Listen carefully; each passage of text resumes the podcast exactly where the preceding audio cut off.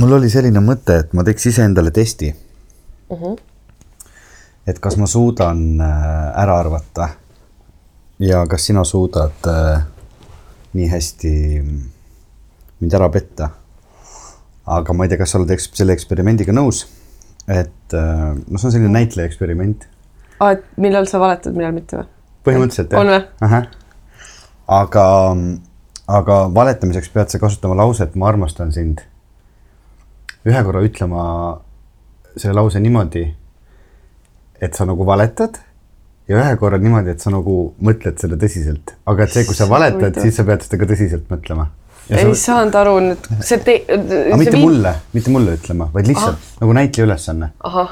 et sa ühe korra ütled äh, nagu siiralt, ma armastan Aha. sind ja teist korda äh, sa ei armasta seda inimest, aga üritad talle siiralt öelda, et ma armastan sind ja mina pean aru saama et kumba ma mõtlesin päriselt või? jah, jah. oi, see on väga huvitav mm. -hmm.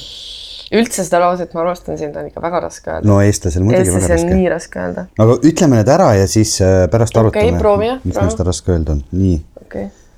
aga kui see on liiga raske, ärme tee. ei, no proovime ära no,. Okay. oota, oota, oota. võib-olla siis. panen silmad kinni, kuulan. oota. tõesti raske.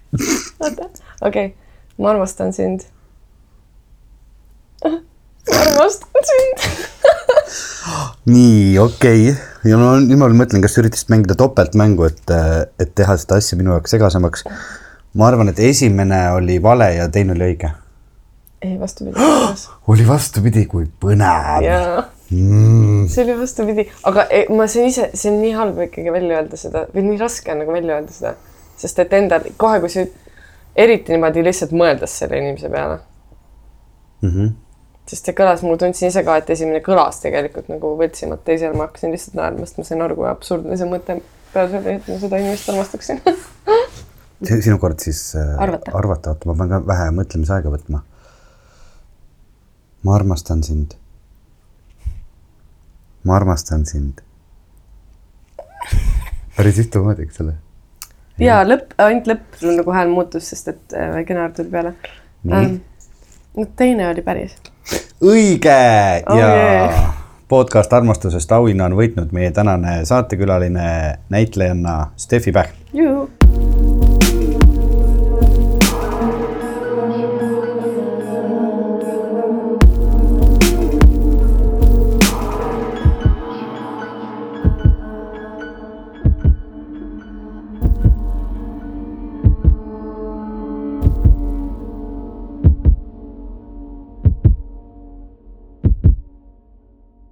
Kas sa oled pidanud laval seda lauset ütlema või?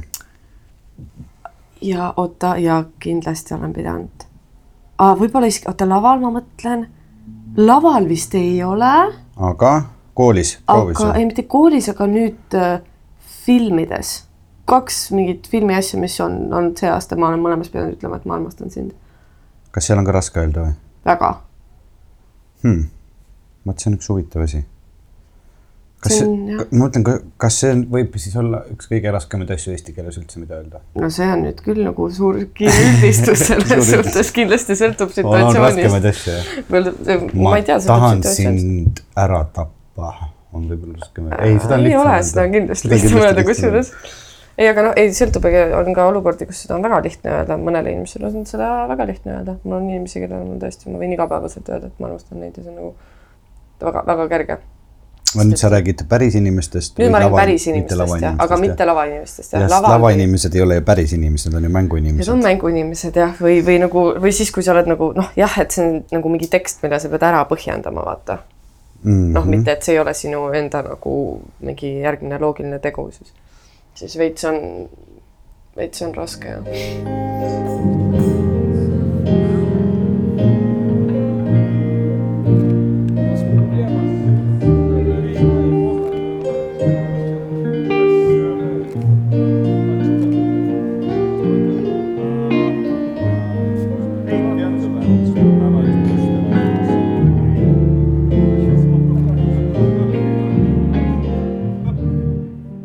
No nii, head kuulajad, äh, tänane saade salvestub äh, mõnes mõttes veidras kohas ja samas nagu ägedas kohas, et me istume Steffi Pähnaga koos äh, kitsukeses hotellitoas mm,.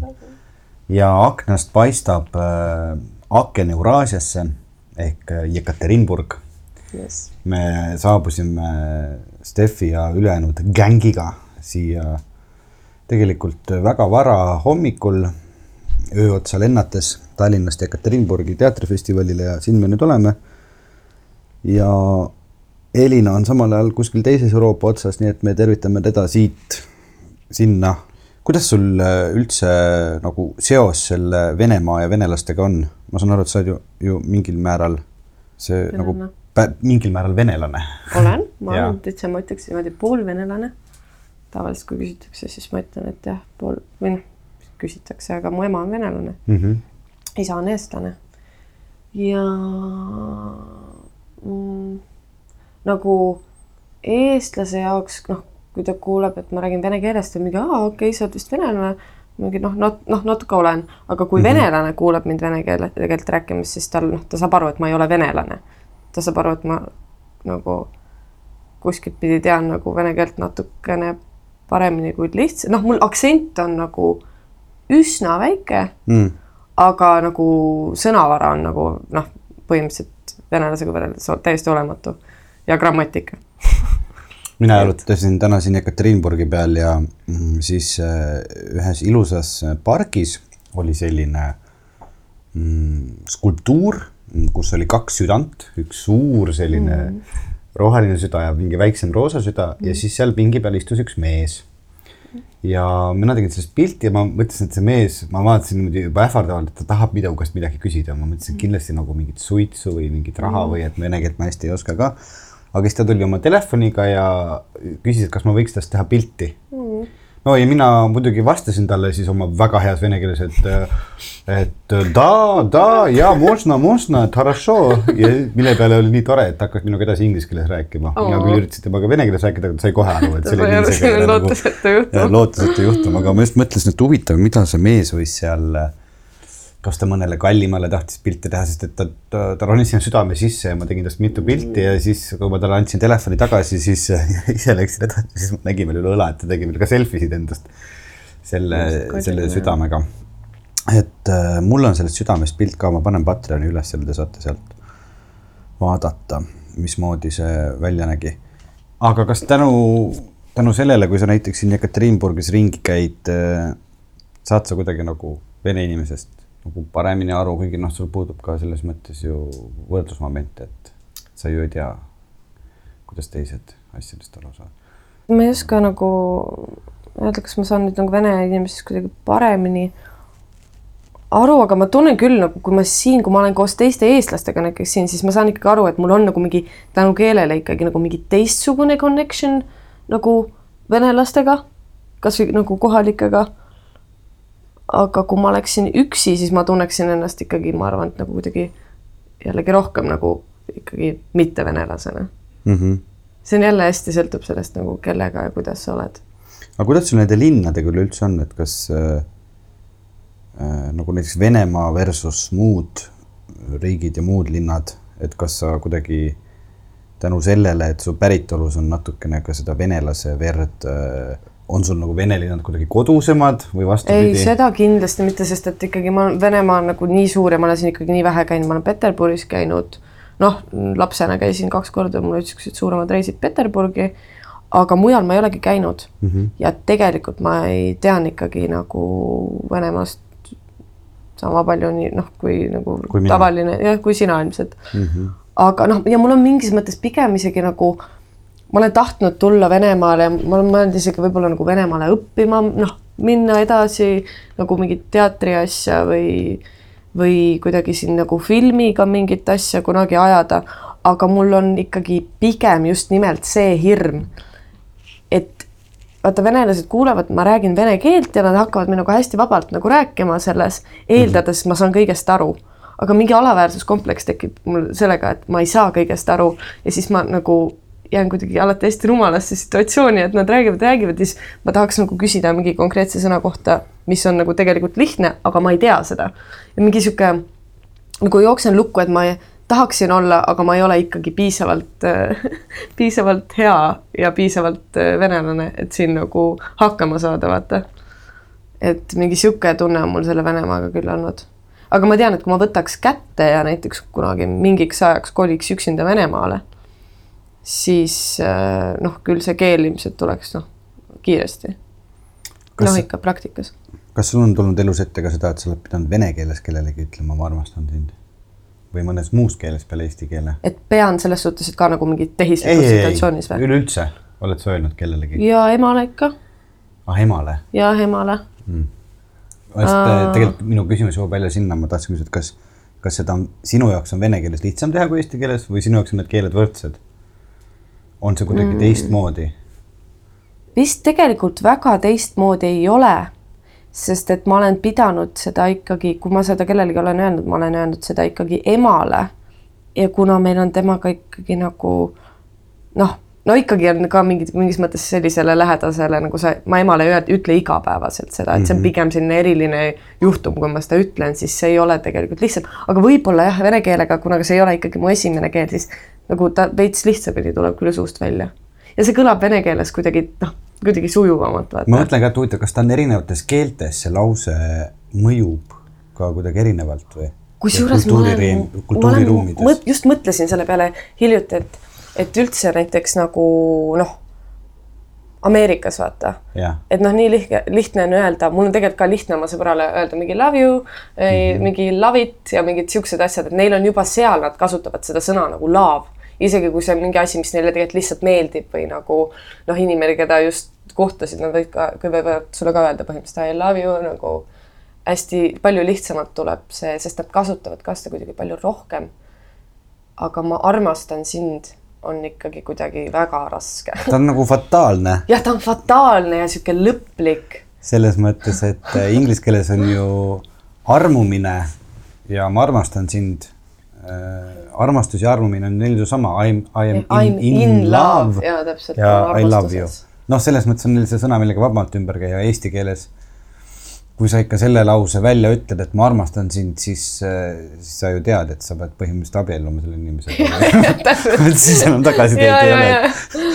põhimõtteliselt. et siis on nagu, see on nagu nii lõplik ja nii fataalne asi, et, et see on jah veider, ma olen ise mõelnud ka selle peale, et mul on tunne, et et isegi küsimus ei olegi selles, et on see inglise keel või vene keel, et, et oleks võõras keeles lihtsam öelda, vaid et kuidagi seesama lause erinevates kultuuriruumides töötab mm -hmm. lihtsalt äh, no ja soomlastelt üks väheseid asju, mis ma soome keeles tean, on, on ju mina rakastan sinu.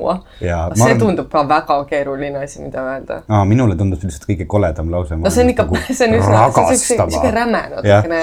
et nagu vaesed soomlased, et nendel on see sõna selline sihuke rekkamehe re,, rekkamehe termin, et ragasta sinuga. no soome keel on üldse naljakas keel, palun vabandust, soomlased. ei, jumala eest. või kes, eestlased, kes elavad Soomes ja kuulavad seda kõike, see on puhas minu. ilmselt me, me arvaks teisiti, kui me teaks rohkem sellest keelest. kuna me vist, mina ei tea, mina ei ole soome keelt kunagi õppinud, ainult nagu multikatest.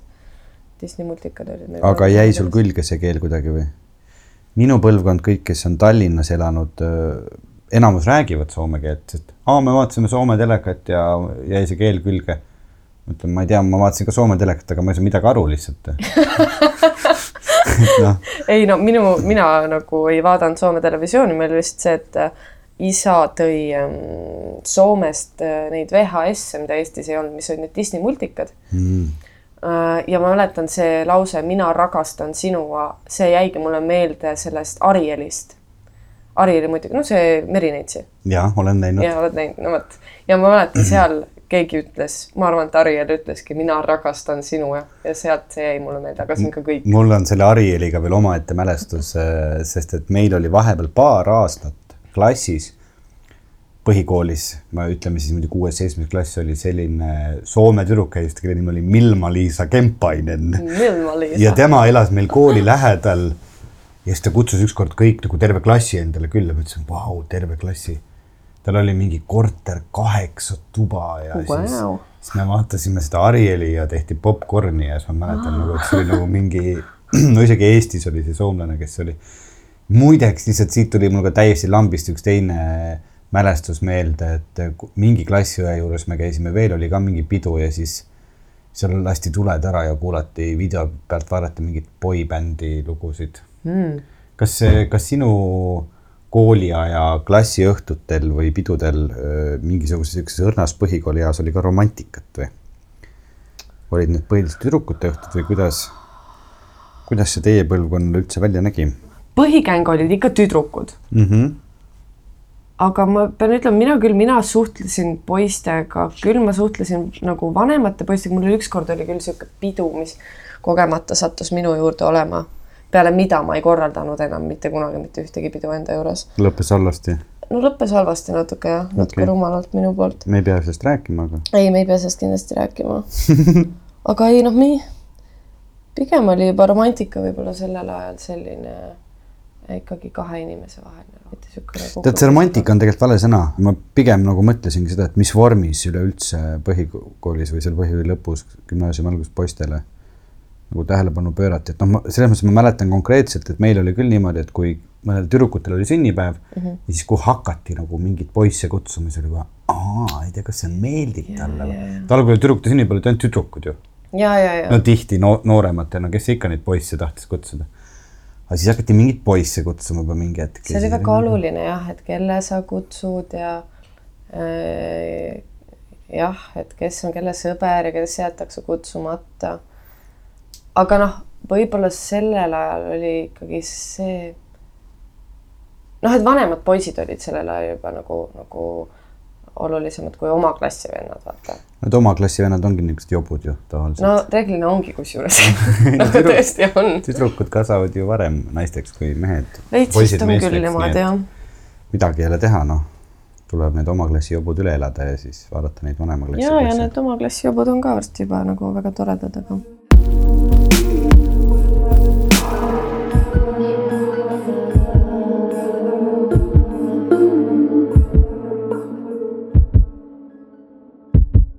kuidagi see kooli teema on praegu siin kooliaasta alguses alati selline. ja see on oluline tegelikult. selline nagu põnev, et äh, hakkad vaikselt enda kooliaega meenutama, et mismoodi suhted klassis olid, et et noh, juba niisugused esimesed väikesed asjad, et äh, vaata, meil oli klassiõhtuid korraldati, kuigi noh, ma ei nüüd minu mälu ei saa siis neid vist küll õhtuteks nimetada, sest kui ma, kui ma ei eksi, need olid pigem nagu mingi nelja-viie paiku või millal need klassiõhtud siis nagu toimusid aga ma mäletan seda, et üks põhimäng oli Pikk nina, ma ei tea, kas sa tead sellist mängu, see on seda, seda niimoodi, et kõik poisid olid ukse taga. Mm. ja siis olid äh, tüdrukud, iga, vist mingi iga tüdruk vist pidi ühe poisi välja valima. Mm -hmm. ja siis äh, poisid hakkasid ükshaaval nagu tulema klassi, õudselt piinlik mäng. tulid ükshaaval klassi, siis sa pidid minema mingi tüdruku juurde ja kummardama tema ees. Ja siis oli niimoodi, et siis ta tegi selle kahe käega niimoodi, te ei näe seda praegu, kahe käega pikka nina, et ei, ma ei valinud sind või siis, või siis ütles, et jah, ma valisin ja see oli kogu mängu mõte. lihtsalt, et sa vaataksid, et anda üksteisele nagu see võimalus, et äkki ma meeldin talle ka. aga ma mõtlen, et see on ju meeletu alandamine. ma mõtlen, sa lähed lihtsalt kummardama mingite. no jaa, aga tegelikult ma arvan, et see on rohkem ikkagi lootuse peale üles ehitatud mäng. selles suhtes on, et nagu kõik loodavad, et see nende, äh, nende välja valitu valib, valib ka neid, et see võib-olla annab sulle seda sa saad nagu mingit, kuna sa ei julge öelda vahepeal inimesele vaata, et ta meeldib sulle, siis sa, see mäng annab sulle nagu võimaluse äkki, äkki, äkki, äkki meeldib. ma tean ja, aga ma lihtsalt. ei, aga see on küll alandav jah mm. -hmm. see oli mu mälust juba kadunud, aga Korvi ma praegu, praegu korra nagu mõtlen seda, et seal sai tõesti ju korvi ja teine asi minu meelest, kui rääkida minu koolipidudest, minu meelest ma mäletan ka sellist asja, et oli ka selliseid olukordi, et äh, ikka seina ääres istusid tüdrukud ja poisid ja siis keegi läks kellegi ette ja kumma tahtsid teda tantsima kutsuda ja siis ütles, et ma ei tule. ja oi, see on valus. ja seda oli ka muidugi. ja nojah, no pudelimäng oli ka, aga seda ei tehtud klassiõhtutel, seda tehti aga see ei olnud üldse romantiline, vot see oli alandav ja õudne kuidas sa lihtsalt pead teist, issand, see oli piinlik ja siis kõige piinlikum on veel sellel inimesel, kes peab välja mõtlema selle ülesande, mida nüüd teha. et see ütleb tema kohta nagu kõige rohkem, vaata, et kui sa keerutad, on ju, jääb kellegi peale, siis sa pead ütlema, mis nad nüüd tegema peavad. saad aru mm? -hmm. ma hästi saan aru. ja, aga see tegelikult on, see ütleb selle inimese kohta kõige rohkem, kes seda ütlema peab, kes nüüd musitama peavad või mis iganes no vot, ei tea rasked, ajad, rasked ajad. ei taha neid siin meenutama hakatagi, ma loodan, et tänapäeva inimestel on koolis juba kuidagi paremad, nagu põnevam või? põnevam, ei mitte põnevam, põnev oli meil ju kindlasti, mingisugused nagu lihtsamad viisid äh, romantiliste viidete märku andmist, mis sõna see oli, lihtsamad viisid äh, märku andmaks oma huvist inimestele, et ei pea nagu terve klassitäis poisse käima ükshaaval tüdrukute ees kummardamas ja nendele pikka näo näitama, et oli niimoodi see mäng, ma või mäletan midagi valesti si-, ei oli, oli. Midagi oli seal võib-olla ilmselt neid teistmoodi, variatsioone on ka palju, aga aga ma mäletan, mina hakkasin äh,, hakkasin jalgpalli vaatama, sellepärast et ma olin ühte poissi armunud, kes äh, mängis jalgpalli.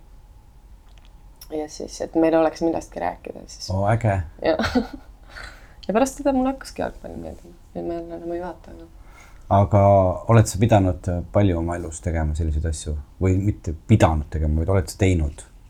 Et kellelegi meeldida. jah, või nagu kuidagi õppinud mingit teemat või midagi. Mm, no sa ei pea konkreetset näiteid tooma, ei, ma aga ei pea nagu mingis mõttes on väga raske vaata konkreetseid nagu näiteid nagu jah, vältida või noh, raske on nagu rääkida saan niimoodi, et sa nagu, ma olen harjunud, et ma laon kõik letile.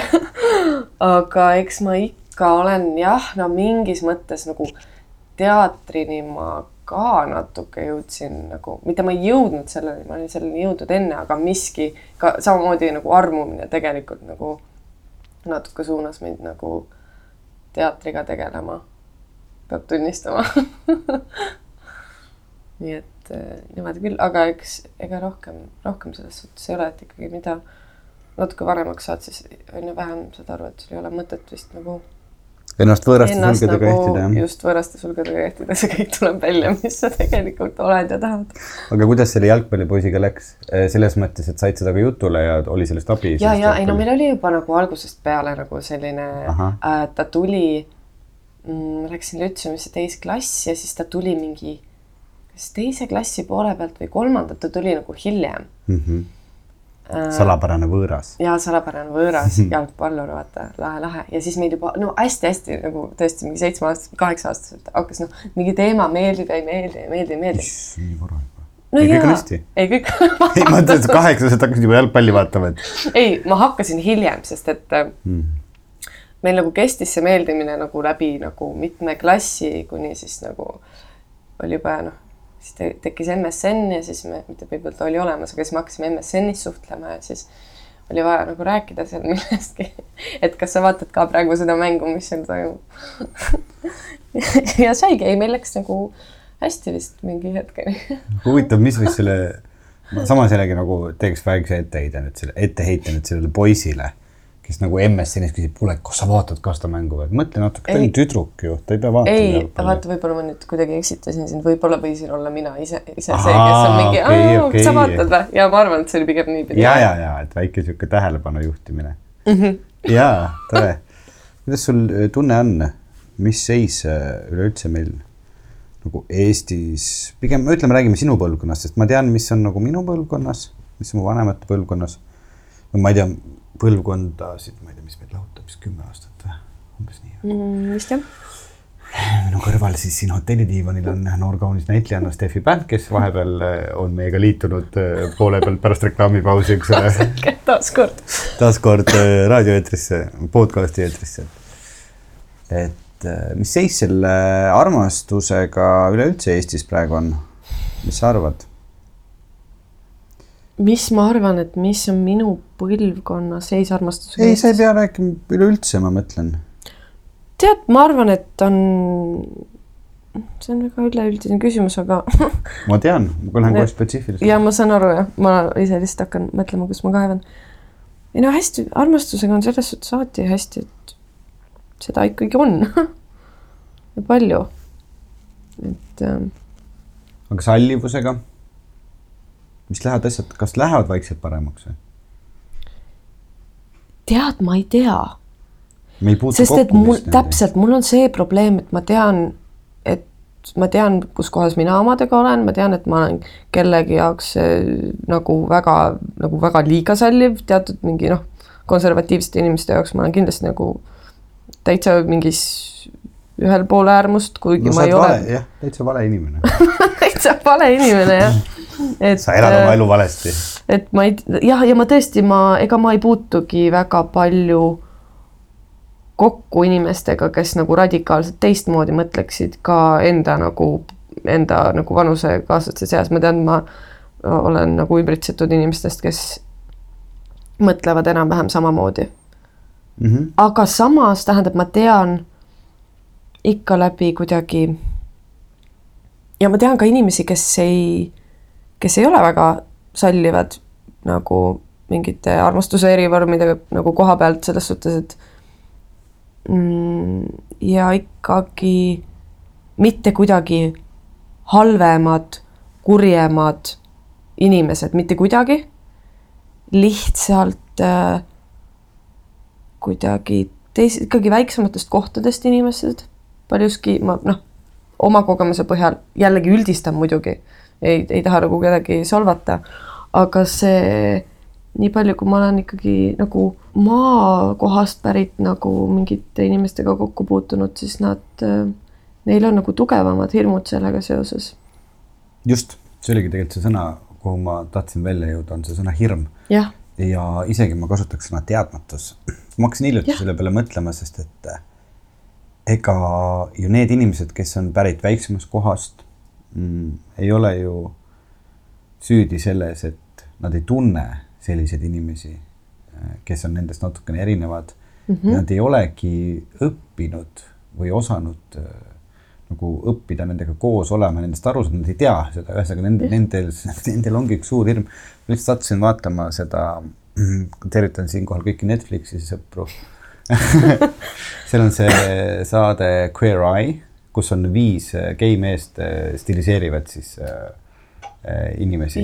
väga lõbus saade on. ma vist midagi isegi tean. ma ei ole vaadanud, aga. seal on äh, siis viis gei meest Ameerikas stiliseerivad, no üks on seal, teeb seal mingit, aitab süüa teha ühe nädalaga, väga toredad saated äh, mulle väga meeldivad muutumissaated äh, ja noh, sellised nagu jõudnud, ühesõnaga seal ühes viimases osas oli selline klassikaline farmer siis mm, -hmm. kes ütles, et ta ei ole oma elus ühegi gei mehega kohtunud ja tal mm -hmm. oli mhm. kohutav hirm mm, -hmm. et mis tast saama hakkab, ta oli väga skeptiline ja kui need inimesed sinna saabusid, ta oli niisugune näost punane ja õhetav mm -hmm. natukene mm. -hmm ja tead, kui tore oli seda kõrvalt vaadata, kuidas ta selle nädalaga transformeerus ja ta lõpuks ise ütles ka, et lihtsalt ma ei olegi kohanud oma elus ühtegi vähemust mm -hmm. ja ma ei lihtsalt, nüüd ma tean neid inimesi, need on täpselt samasugused inimesed nagu meie ja samamoodi noh, on on meil ju hirm, no ma ei tea, mustanahaliste, kasvõi venelaste ees. kasvõi venelased, kasvõi omad eestlased lihtsalt, ma ei tea, teistsugused. no just, sest meil et... on see barjäär on vahel, et noh, selle samamoodi, kui ma jalutasin täna siin Ekaterinburgis ringi. ma üritasin ennast mõelda nagu selle, selle kohaliku inimese sellesse ellu. noh, mina mõtlen, aa, venelased ei tea, mis nad siin, võib-olla siin mingid pätid, käisin kogu aeg, hoidsin oma fotokat kinni ja siis ma hakkasin nagu mõtlema. Oota, aga tegelikult elavad siin ju nagu lihtsalt väga, tõenäoliselt nagu väga ägedad inimesed, et mm -hmm. kes teevad samu asju nagu ju meie, sest kuhu sina täna sattusid? aa, jaa, ma käisin performance'it vaatamas siin Jekaterinburgis täiesti juhuslikult sattusin vaatama, kuidas siin äh, kohalikud noored siis äh,, no ma ei tea, kui, kui nagu mitte, noh, kui noored nad olid, aga siuksed äh, kunsti ja performance'i skeene arendajad Äh, jah, ma sattusin seda vaatama ja mõtlesin, et nagu samasugused, mingis mõttes samasugused, täiesti samasugused inimesed, kellel on samad huvid ja tahtmised, kes kogunevad samamoodi omasuguste hulka ja tahavad mingit äh, maailma, noh, see oli, see ei olnud, ma ütlen ausalt, see on mingi maailma kõige põnevam või huvitavam performance, üsna mm -hmm. just nimelt niisugune algeline. Äh, kasvõi selle koha pealt, et neil konkreetselt publikul ei olnud võimalust neid näha. et see oli nii väikestes ruumides aga üldiselt mul lihtsalt selle sallivuse koha pealt on nagu minu arust seal on nagu ainuke reegel on see, et mul, mul tõesti ei ole vahet, kas on homo, mustanahaline äh,, lesbi, soomlane, eestlane, venelane, mul ei ole vahet. ma tean, et absoluutselt igas nagu inimrühmas, mis sõnastame halvasti, ühesõnaga kõigi hulgas on nii toredaid kui mitte nii toredaid inimesi. on toredaid homosid, on ka kindlasti väga nõmedaid homosid mm, -hmm. on toredaid heterosid, on väga nõmedaid heterosid, on toredaid valgeid inimesi ja väga-väga-väga nõmedaid valgeid inimesi ja mustade ja kõigiga on sama, et see nende, see nahavärv või mis iganes nagu eh, sedasorti kuuluvus ei defineeri seda, kas tegu on nagu hea või halva inimesega, mis on minu jaoks palju, palju nagu olulisem näitaja kui, kui see mis iganes väline mm. -hmm. aga kui palju sa igapäevaselt ise selles mõttes selle teemaga tegeled, et näiteks kui sa käid Tallinnas tänaval ja sa näed, et äh, tänaval tuleb vastu sulle mustanahaline inimene mm, -hmm. Kas sul läheb mingi lamp põlema, kas sa hakkad nagu kohe tegelema selle sallivuse teemaga äh,? jaa, kusjuures ma tegelen, ma tegelen selle, sellega väga-väga palju ja ma tegelen just nimelt, ma üritan nagu teadvustada ja aru saada, mis minus toimub nagu sees sest ma näen mustanahalist inimest, ma hakkan, kusjuures mul hakkab mingi selline asi, kui noh, kuskil on mingi kassapidaja, taksojuht, neid on nagu ja. päris palju. ma kohe hakkan mingil tasandil tegelema sellega, et tal ei oleks ebamugav mm. -hmm. et ta ei arvaks, et äh, teda kuidagi nagu diskrimineeritakse, et tal ei oleks jah, ma te- ja selles suhtes ma ja siis ma üritan teadvustada, et miks ma tegelen sellega praegu. et kui see on, oleks, kui ma taha, kui see on minu jaoks normaalne siis miks ma sellega nagu niimoodi tegelen, miks ma seda nagu täiesti ilmselgelt ja loogiliselt ei võta. ja ma saangi aru, et need teemad on lihtsalt nagu ühiskonnas nagu nii õhus. Me ei ole sellega veel harjunud mm, -hmm. aga ma jah, ma nagu hakkan automaatselt tegelema sellega, et, et kõigil oleks võimalikult mugav.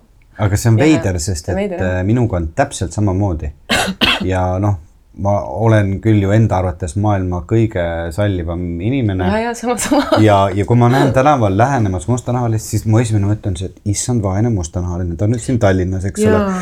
keegi on talle kindlasti täna juba neli korda hästi pahaselt otsa vaadanud, võib-olla mm -hmm. keegi on tahtnud teda kotiga lüüa.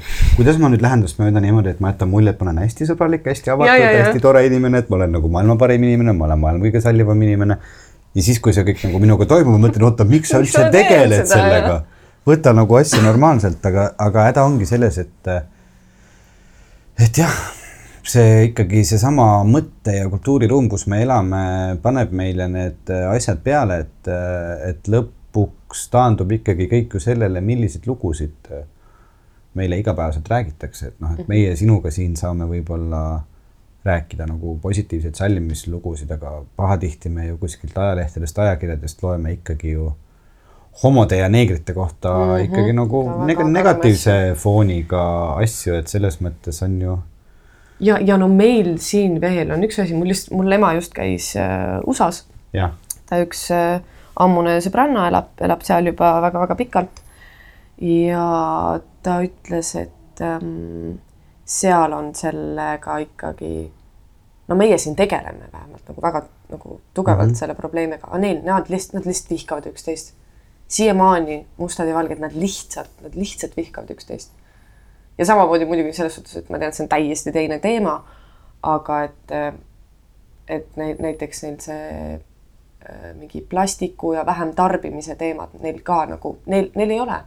Neil on mingi suva, hiinlased söövad rohkem, teevad rohkem, miks me peaks ennast kuidagi, neil noh, nad kuidagi on mingis mõttes seal nagu kinni jäänud täitsa et meil siin väiksed nagu nüüd hetkel mitte siin, me oleme hetkel Venemaal, aga Eestis nagu ikkagi see info ja see nagu liigub kiiremini ja me suudame kuidagi selle koha pealt, mulle tundub vähemalt, vähemalt nende inimestega, kellega mina kokku puutun, see ikkagi kuidagi liigub vähe kiiremini ja sujuvamalt, see nagu väike maailma parandamine.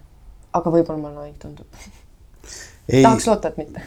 jah, ei, ma olen sinuga, sinuga päri ja noh, eks, eks eks ajalugu ongi näidanud, et äh, kõik see, kõik see asi läheb muidugi paremuse poole, aga see võtab aega, et siin ei ole nüüd niimoodi, et me õpetame kõikidele esimeses klassis, et äh, homo on hea ja neeger on tore ja siis, ja siis, siis on nagu põlvkond läinud, vaid et äh, noh, see käib samm-sammult nagu samamoodi nagu, nagu see integratsiooni teema eestlaste ja venelaste vahel, et, et ju on läinud kõvasti paremaks näiteks selle kahekümne viie aastaga, mis me siin, või isegi rohkem, aga juba palju me siin nii-öelda selles. matemaatika ei ole meie kummagi tugevam külg, aga, kindel ei. kakskümmend seitse võib-olla juba. et kui me tegime seda lavastust äh, integratsioonist, siis keegi tark inimene ütles, et äh, integratsiooniga on selline lugu, et läheb vähemasti kolm põlvkonda. Et see asi kuidagi nagu muutuks, ütleme, et kui me räägime nüüd näiteks venelastest ja eestlastest, räägime oma vanemate, isegi võib-olla oma vanavanemate põlvkonnast, no pigem vanemate, kes on siis nõukogu, nõukogude ajal üles kasvanud ja, ja kust on nagu tulnud see paljude inimeste mingisugune viha selle Vene ja Venemaa vastu. ja eks ma olen ise ka lapsepõlves üles kasvanud selles kerges nagu sellises vastuolus, et on ju kogu seda ajalugu ja seda suhtlemist räägitud ja ma mõtlengi, et see nüüd õnneks on hakanud vaikselt muutuma ja seda ägedam on minu jaoks olnud need viimased äh, kaks reisi äh, Venemaale, kus mm -hmm. ka sina oled minuga kaasas olnud ja teised meie need trupiliikmed, et kui me käisime kevadel Peterburis ja nüüd siis siin Ekaterinburgis, et äh, minu jaoks on see väga avardav vaadata neid äh, linnu, neid inimesi selles linnas, selles kontekstis, näha seda kultuuri, seda kultuuriruumi, kust nad pärit on, et äh, see annab palju rohkem äh, kuidagi nagu sellist äh, noh, teadmisi ja tausta mulle, et mis, ma ei saa nii öelda, et mis need inimesed on, kes, et noh, selles, selles kust nad tulevad ja miks nojah, nad sellised on, nagu nad jah, on. et sa saad nagu sellest kõigest aru, et no ütleme, et võib-olla oleks siis äh,, ei taha siin nüüd midagi nüüd öelda, et peaks saatma siis ka neid EKRE inimesi sinna, nad ei lähe ju sinna Aafrikasse, eks ole kultuuri vaatama kindlasti mitte, aga noh, see on ka võib-olla liiga radikaalne samm. ei no see on jah ekstreemne näide, aga ei nagu põhimõtteliselt see on lihtsalt see, et äh, ära räägi, kui sa ei tea.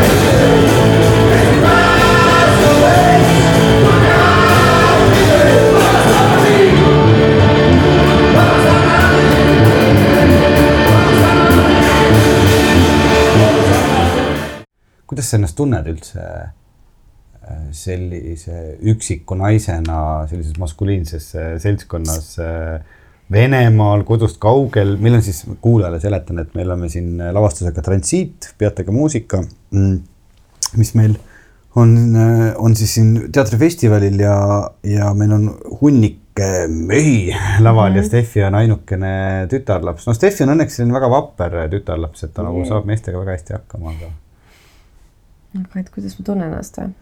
ma ei tea, nojah, üleüldse no kas see teatrimaailm, no ta, no ei ole, ma ei saa nii öelda, et ta on nagu pigem mehisem maailm, aga nagu no terve ausad, maailm on pigem Jah. mehisem maailm, olgem ausad. olgem ausad, nii on jah nii on ja samamoodi tegelikult äh, ka teatrimaailm, mm. -hmm. et äh, ei, aga selles suhtes, ma ei tea, mina tunnen ennast nagu hästi meeste seltskonnas olen alati nagu tundnud, eriti kui ma saan pärast nagu oma tuppa põgeneda, kus ma saan olla üksinda. ja kus ma saan selle mikrofoni ette panna ja küsida, kuidas sa ennast nüüd tunned pärast päeva koos meestega? nojah, neid nalju on siin, tähendab, ma tunnen ennast hästi, muidugi midagi on selles hästi vabastavat, sest et nagu tõesti nagu nad teevad neid oma igasuguseid huvitavaid peerunalju ja kõiki asju ja, ja see on kuidagi, samas on, samas mingis mõttes ikka, mis mulle väga meeldib tõesti ka siinsete inimeste puhul, ma tunnen ennast ikka nagu hoituna. huvitav, kas, kas mees mõtleb, ma praegu räägin üleüldiselt mm Mhm. -hmm. nüüd meestest, meeste kampadest, meeste seltskondadest mm, -hmm. kui mingi naine sinna satub. et kas nad nagu pigem mõtlevad seda, et kui, et see on kompliment sellele naisele, et me nagu võtame nad punti ja teeme puuksunalja ja, ja te, teeme nagu niisugust asja või? see on väga huvitav, et sa just selle niimoodi sõnastasid, sest et täna, kui me käisime väljas söömas seal yeah.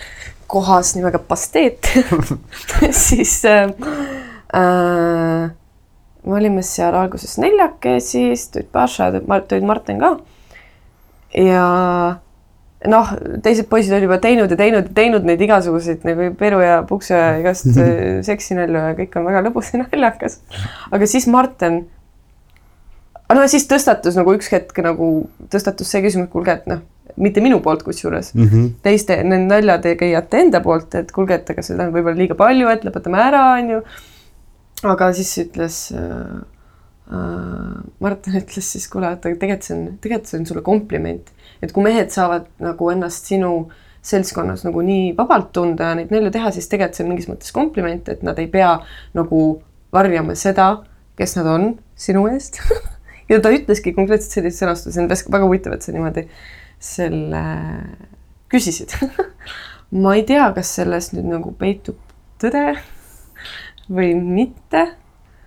et äh, mingis mõttes see on ju ikkagi esinemine ka mm. -hmm aga mingis mõttes see võib-olla on tõde ka, et nagu samas ma olen ju noorem teist kõigist, eks ole, ma ei ole mingi autoriteet kellelegi ei mingit pidi, et võib-olla oleks mõni äh, noh, vanem naisterahvas või kuidagi siis võib-olla tähendab kind-, noh, sõltub muidugi naisest jällegi. ei tead, ma olen, ma olen vaadanud lihtsalt äh, nende erinevate asjade puhul, et tegelikult eks see kõik oleneb ka, eks see kõik oleneb ka sellest äh, naisest no, kes jah. nagu seal seltskonnas on ja mismoodi ta seda dünaamikat vastu võtab, et et olen isegi olnud äh, ka teinud erinevaid lavastusi, kus on ka üks naine ja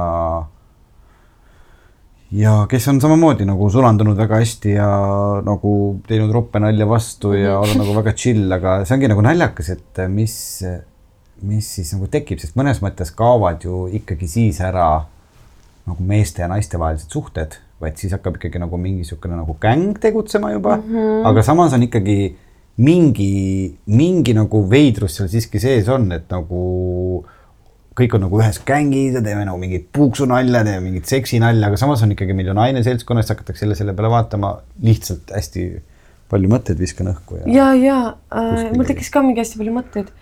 ei nagu noh, vaata mingis mõttes sa ütlesid, suhted kaovad ära, aga paratamatult, kui on just nimelt üks naine ja noh, ei ole võib-olla niisugune täiesti hall hiireke, kes ära kaoks sealt seltskonnas, kes läheb kaasa nende naljadega, siis ikkagi paratamatult need suhted säilivad, need lihtsalt äh, kanduvad üle nendesse naljadesse ja siis tulevadki need äh, seksistlikud naljad.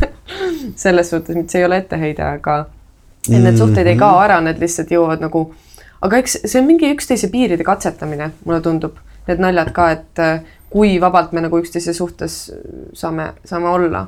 et nali läheb nagu nojah et naljaga üritatakse ka nagu vaikselt nii-öelda nagu flirtida, sa mõtled või? või noh, ütleme mitte isegi flirtida, aga nagu mingit ikkagi niisugust mehe ja naise vahelist suhet. ja ikkagi jah. edasi anda.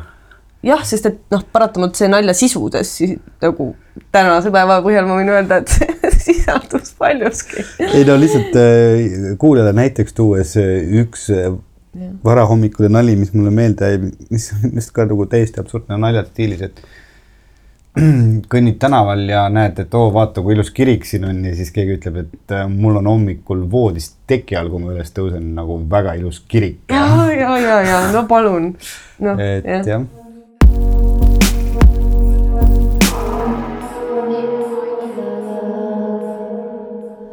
minul on sulle ikka see standardne küsimus, mida me aeg-ajalt küsime oma külaliste käest, et kas sulle meenub mõni esimene mälestus seoses armastusega või armumisega või?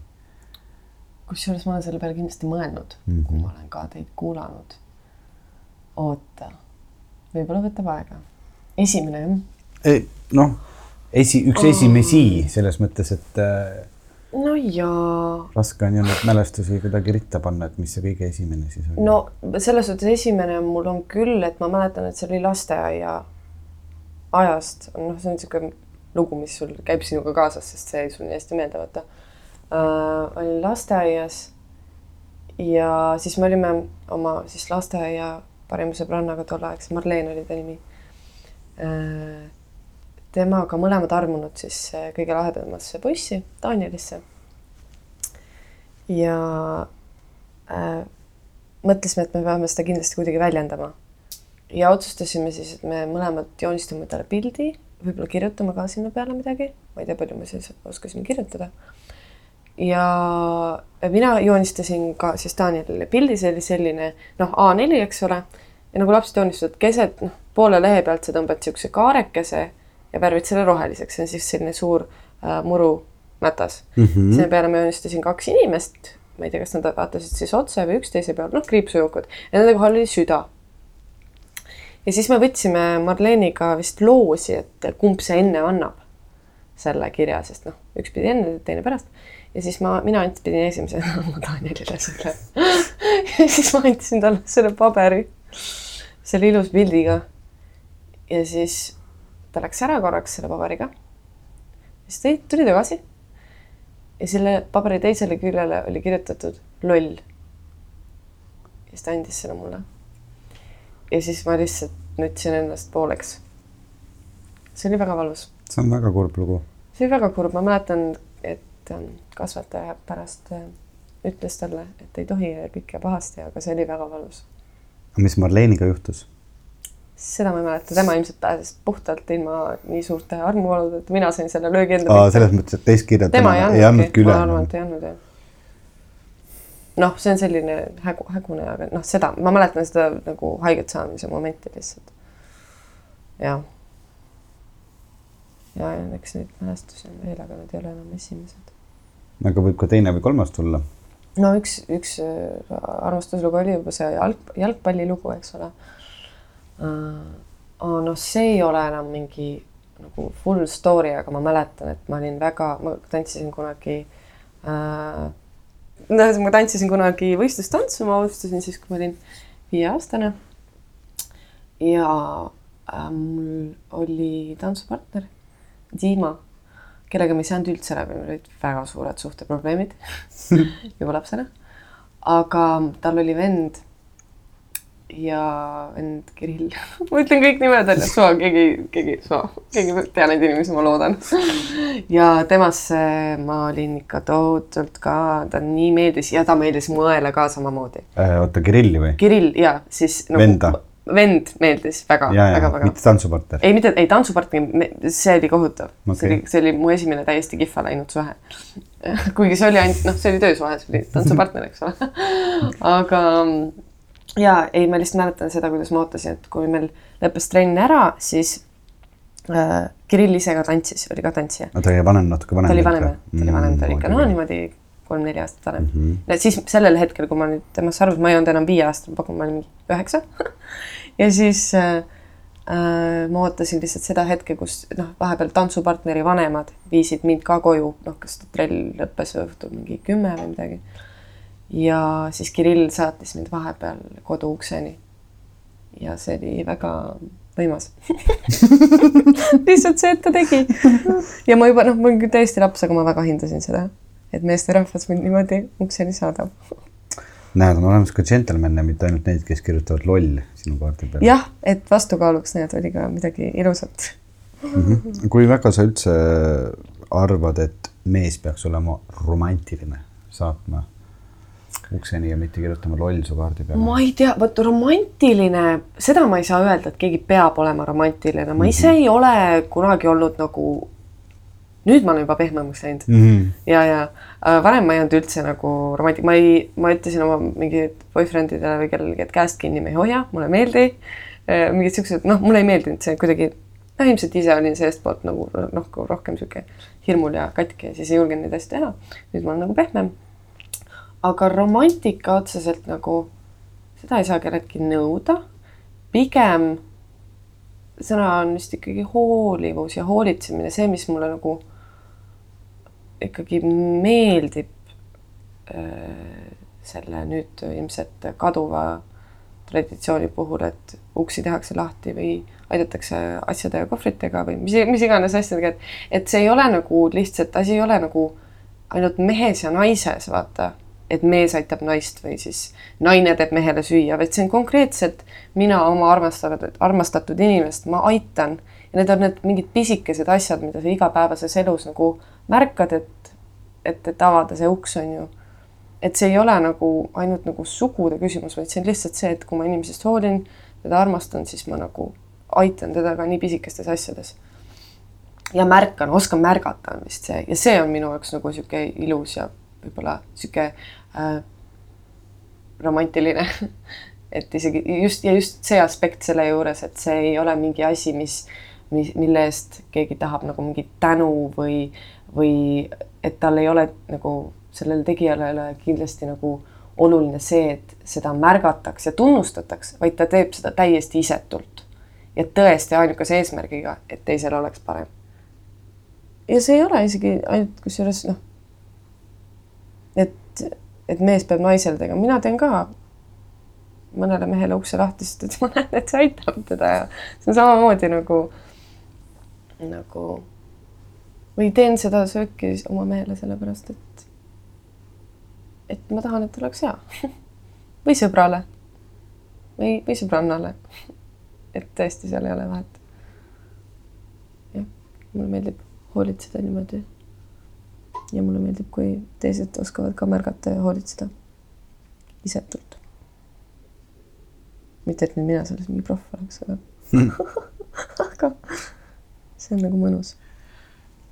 kell äh, on mõnusasti tiksunud pärast südaööd, kell on juba null null viisteist siin. Jekaterinburgi tänavad on vaikseks jäänud, mõned üksikud autod veel vuravad ja vihma sajab, siin täitsa sügisene. siin on sügis jah. et äh, Eestis räägitakse, et täna on väga soe õhtu ja homme tulevad veel soojem päev, et natuke nagu veider olla eemal ja kuskil sellises jahedamas kliimas, kus puud hakkavad vaikselt juba kollaseks minema ja aga, aga samas mulle täna siit hotellist tänavale astudes kuidagi midagi meeldis selles, mingi selline sügisene melanhoolsus tuli peale ja ma mõtlesin, ah, et tegelikult ei olegi nii hull, et Eestis ka see sügis tuleb, et elame selle kenasti üle, et sai nagu suvel laadida, laadida ennast küll, et vahel on tunne, et suvi saab otsa ja arvastust ei olnudki. arvastust ei tulnudki. ei, mitte seda, mitte seda, aga see suvelõpu hirm on ju inimestes nii suur sees.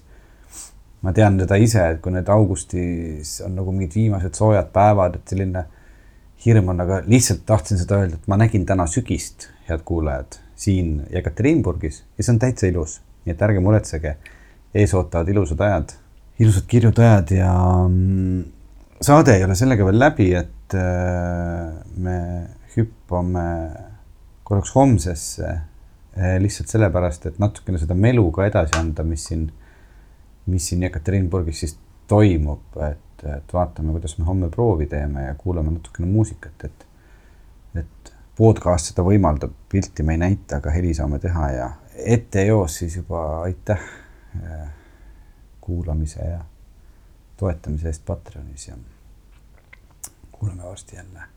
ja aitäh, Steffi, et sa olid nõus minuga siin hotellivoodis kesköösel Venemaa mm. sügavustes istuma ja. Venemaa neljand-, suuruselt. suuruselt neljanda linna. suuruselt kuuekümnendas hotellis, ei, ma ei tea ma ei tea, mis sellel, sellel hotellil on. no siin elab äh, sama palju inimesi kui Eestis, rohkem. ja ühes linnas ühes linnas. rohkem kui Eestis, aga ei olnud hullu midagi. ei, väga tore, aitäh sulle mm. -hmm. Uh, kui see saade läheb nüüd edasi, siis me head aega veel ei ütle ja kui ta ei lähe edasi, siis head aega. Tšoka siis praegu viis eri laagrit oli. ja igas laagris oli, no ma ei oska ütelda, tuhat viissada meest, kaks tuhat meest, kolm tuhat meest, no umbes nii palju ja igas kohas me andsime kontserdi. igal õhtul oli kontsert. ja ma ei, ma ei ole näinud mitte, mitte ühelgi kontserdil, kus inimesed nii palju nutavad. et seal oli ju, noh, seal oli mõni üksik naine, kes seal kokana töötas või midagi niisugust. ja seal olid ainult mehed nendes tööriietes, nad istusid seal ja nad lihtsalt nutsid. ja mina laulsin neile midagi niisugust, et äh, kui sul on raske või ähm, jää kauaks mu juurde, no niisuguseid laule siis ja nad lihtsalt nutsid. ja ma nägin, kuidas äh, pisarad jooksid meestel, enamikel. Nad istusid seal selliste poolsurnud nägudega, sest terve nende laulu ajal. sest see kiiritus, mis nad sealt said, see oli lihtsalt nii suur